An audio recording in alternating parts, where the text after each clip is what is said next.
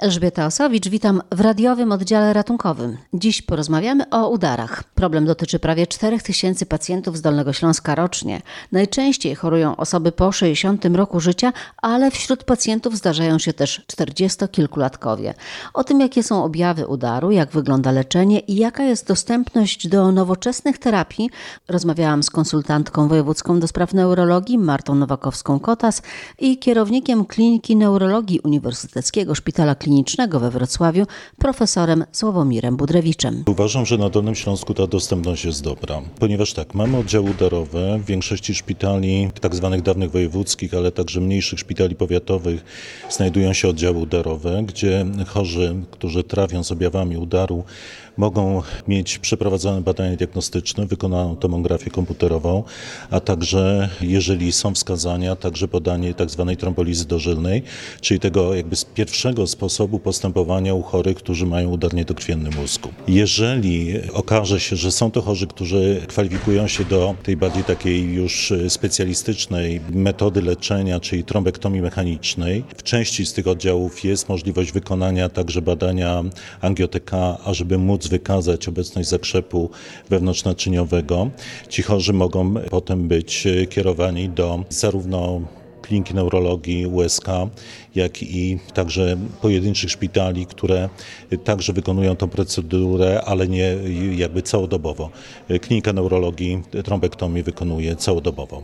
We Wrocławiu Przyborowski ten pilotaż trwa już kilka lat. Tak. Jaka jest szansa na to, żeby był w większej liczbie placówek? Myślę tak, że to zależy przede wszystkim jakby od decyzji Ministerstwa Zdrowia, to jest jakby jedna rzecz, także od dostępności lekarzy, specjalistów, którzy tą trombektomię wykonują. Czyli tutaj u nas to są przede wszystkim neuroradiolodzy. Myślę tak, że jeżeli tych neuroradiologów będzie odpowiednia duża prawda, liczba osób, które będą przeszkolone, będą miały duże doświadczenie, to wtedy także można rozszerzyć y, jakby ilość ośrodków, które trombektomię mechaniczną będą mogły wykonywać. Ale chciałem też powiedzieć, że to nie jest tylko tak, że no, musi być lekarz, który tą trombektomię przeprowadzi, bo tu jest cały zespół później zarówno lekarski, jak i pielęgniarski, rehabilitacyjny, który musi tego chorego po tym zabiegu prowadzić. Także na pewno nigdy nie uda się tak zrobić, żeby takie ośrodki mogły być, y, nazwijmy, w różnych prawda, rejonach naszego regionu.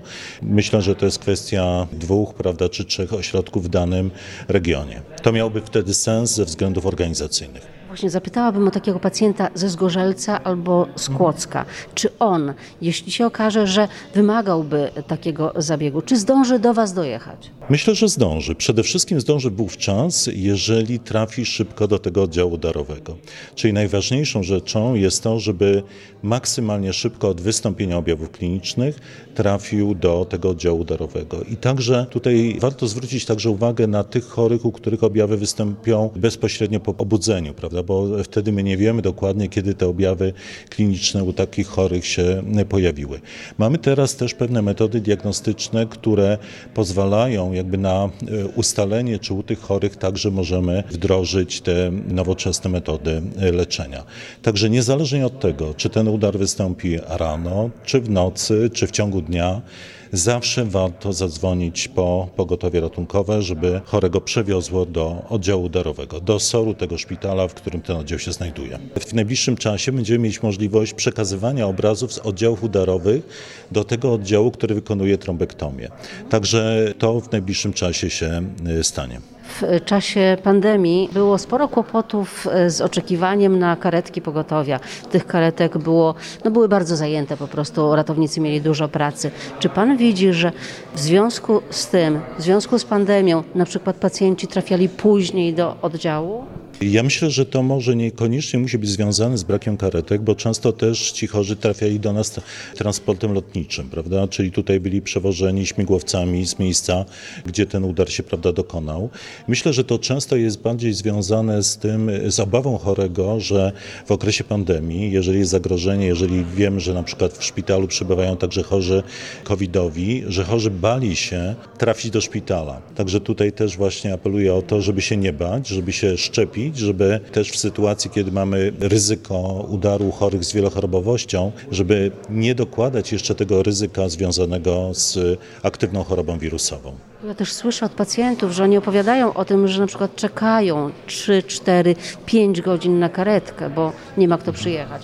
Ja rozumiem, że w sytuacji, kiedy dyspozytor słyszy podejrzenie udaru, to wysyła natychmiast, tak? To jest priorytet. Myślę, że tak jest, bo to jest tak, jak mówimy o chorym z zawałem serca, prawda? Tak samo jest z udarem mózgu. Musimy tutaj wykorzystać każdą minutę, nie możemy tracić tego czasu. Ci pacjenci, którzy trafiają do Was, w jakim oni stanie trafiają już do kliniki? To mogą być różni chorzy. Mogą być chorzy, którzy mają stosunkowo niewielkie objawy uszkodzenia układu nerwowego. To są ci chorzy, którzy właśnie często są poddawani tylko procedurze trombolizy, ale są bardzo często właśnie z tych innych ośrodków także przekazywani chorzy w stanie ciężkim, z y, dużymi ogniskami udaru niedokrwiennego, tacy, u których ta trombektomia właściwie jest jedyną metodą, która może w wielu przypadkach uratować ich życie. Ile jest czasu na to, żeby rzeczywiście skutki udaru nie były dramatyczne? Ja myślę, że tak, że y, nie mówmy w ten sposób, że to jest te 6 godzin, prawda? Lepiej mówmy, że to jest godzina, prawda? Że musimy się zmobilizować, żeby maksymalnie szybko trafić do szpitala. Nie czekać. Najlepiej w ciągu godziny. Im szybciej, tym lepiej, prawda? Oczywiście ta godzina to nie jest y, żadna norma, prawda? Ale chodzi o to, żeby jakby zlikwidować każdy czynnik opóźniający. Im szybciej, tym lepiej. Co powinno nas zaniepokoić? Kiedy powinna się zapalić czerwona lampka? Jak powinniśmy reagować? Zaniepokoić powinny nas objawy, które pojawią się nagle. Są to takie objawy jak opadnięcie kącika ust, osłabienie siły kończyn, czyli ręki, nogi. To może być opadnięcie powieki, zaburzenia widzenia, zaburzenia ruchomości gałek ocznych, czyli nagle odkryjemy, że w jedną stronę nie jesteśmy w stanie spojrzeć. Zaburzenia mowy przede wszystkim. I to może być tak, że będzie nam brakować słów, albo przestaniemy rozumieć, co do nas inni mówią, ale też mogą być zaburzenia takie, że pacjent chce coś powiedzieć, wie, co mówi, ale mówi to tak niewyraźnie, że cała reszta rodziny nie jest w stanie go zrozumieć. Zaburzenia połykania, zawroty głowy, zaburzenia równowagi.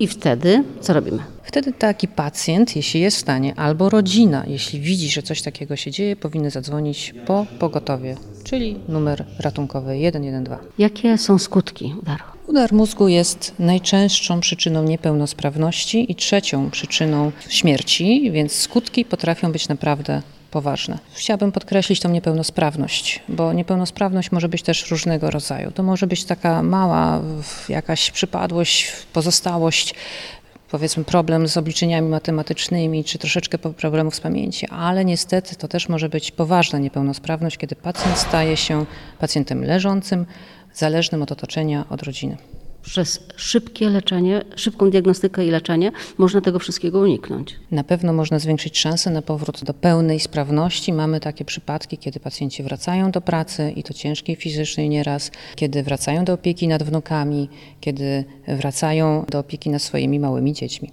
Żeby zwiększyć tę świadomość, e, rozpoczyna się specjalna kampania dedykowana właśnie udarom. Na czym ona polega? Jest to kampania skierowana do dzieci najmłodszych, do dzieci przedszkolnych i początkowych lat szkolnych. Nazywa się Fast Hero. Opracowana jest przez Europejskie Towarzystwo Udarowe e, we współpracy z Macedońskim Uniwersytetem. Jest to kampania, która jest, mówi nam o historii, o przypadłościach, jakie nagle zdarzają się u emerytowanych superbohaterów. I jest tam też młody superbohater, młody człowiek, który może rozwiązać, może też zadziałać, może wykazać się swoją supermocą w postaci zadzwonienia na numer ratunkowy w momencie, gdy stwierdzi niepokojące objawy u swoich superbohaterów dziadków. Jak pani jako konsultant wojewódzki ocenia dostęp dolnośląskich pacjentów do leczenia? Patrząc na statystyki, Dolny Śląsk nie prezentuje się źle. Jesteśmy w środku stawki, jeśli chodzi o dostępność do trombolizy. Jeśli chodzi o miasto Wrocław, to wręcz jesteśmy liderami. Jesteśmy też najlepszym no, najszybciej, przepraszam, rozwijającym się ośrodkiem trombektomijnym, kiedy to e, jesteśmy ośrodkiem włączonym w połowie lipca 2019 roku, a wykonaliśmy już tych trombektomii 550, czyli naprawdę gonimy ośrodki, które już dużo dłużej są w tym programie. Natomiast zawsze jeszcze jest coś do poprawienia, zwłaszcza właśnie pod kątem tego czasu, bo od tego czasu zależy też na ile ta nasza e, cała procedura i trombektomijna i trombolityczna poprawi stan tego pacjenta. Zawsze lepiej wdrożyć leczenie szybciej niż później, bo też spodziewamy się wtedy też większych, bardziej spektakularnych efektów. To jeszcze jaka jest skala problemu? Jest to w skali Dolnego Śląska od 4 do 4,5 tysiąca pacjentów na rok.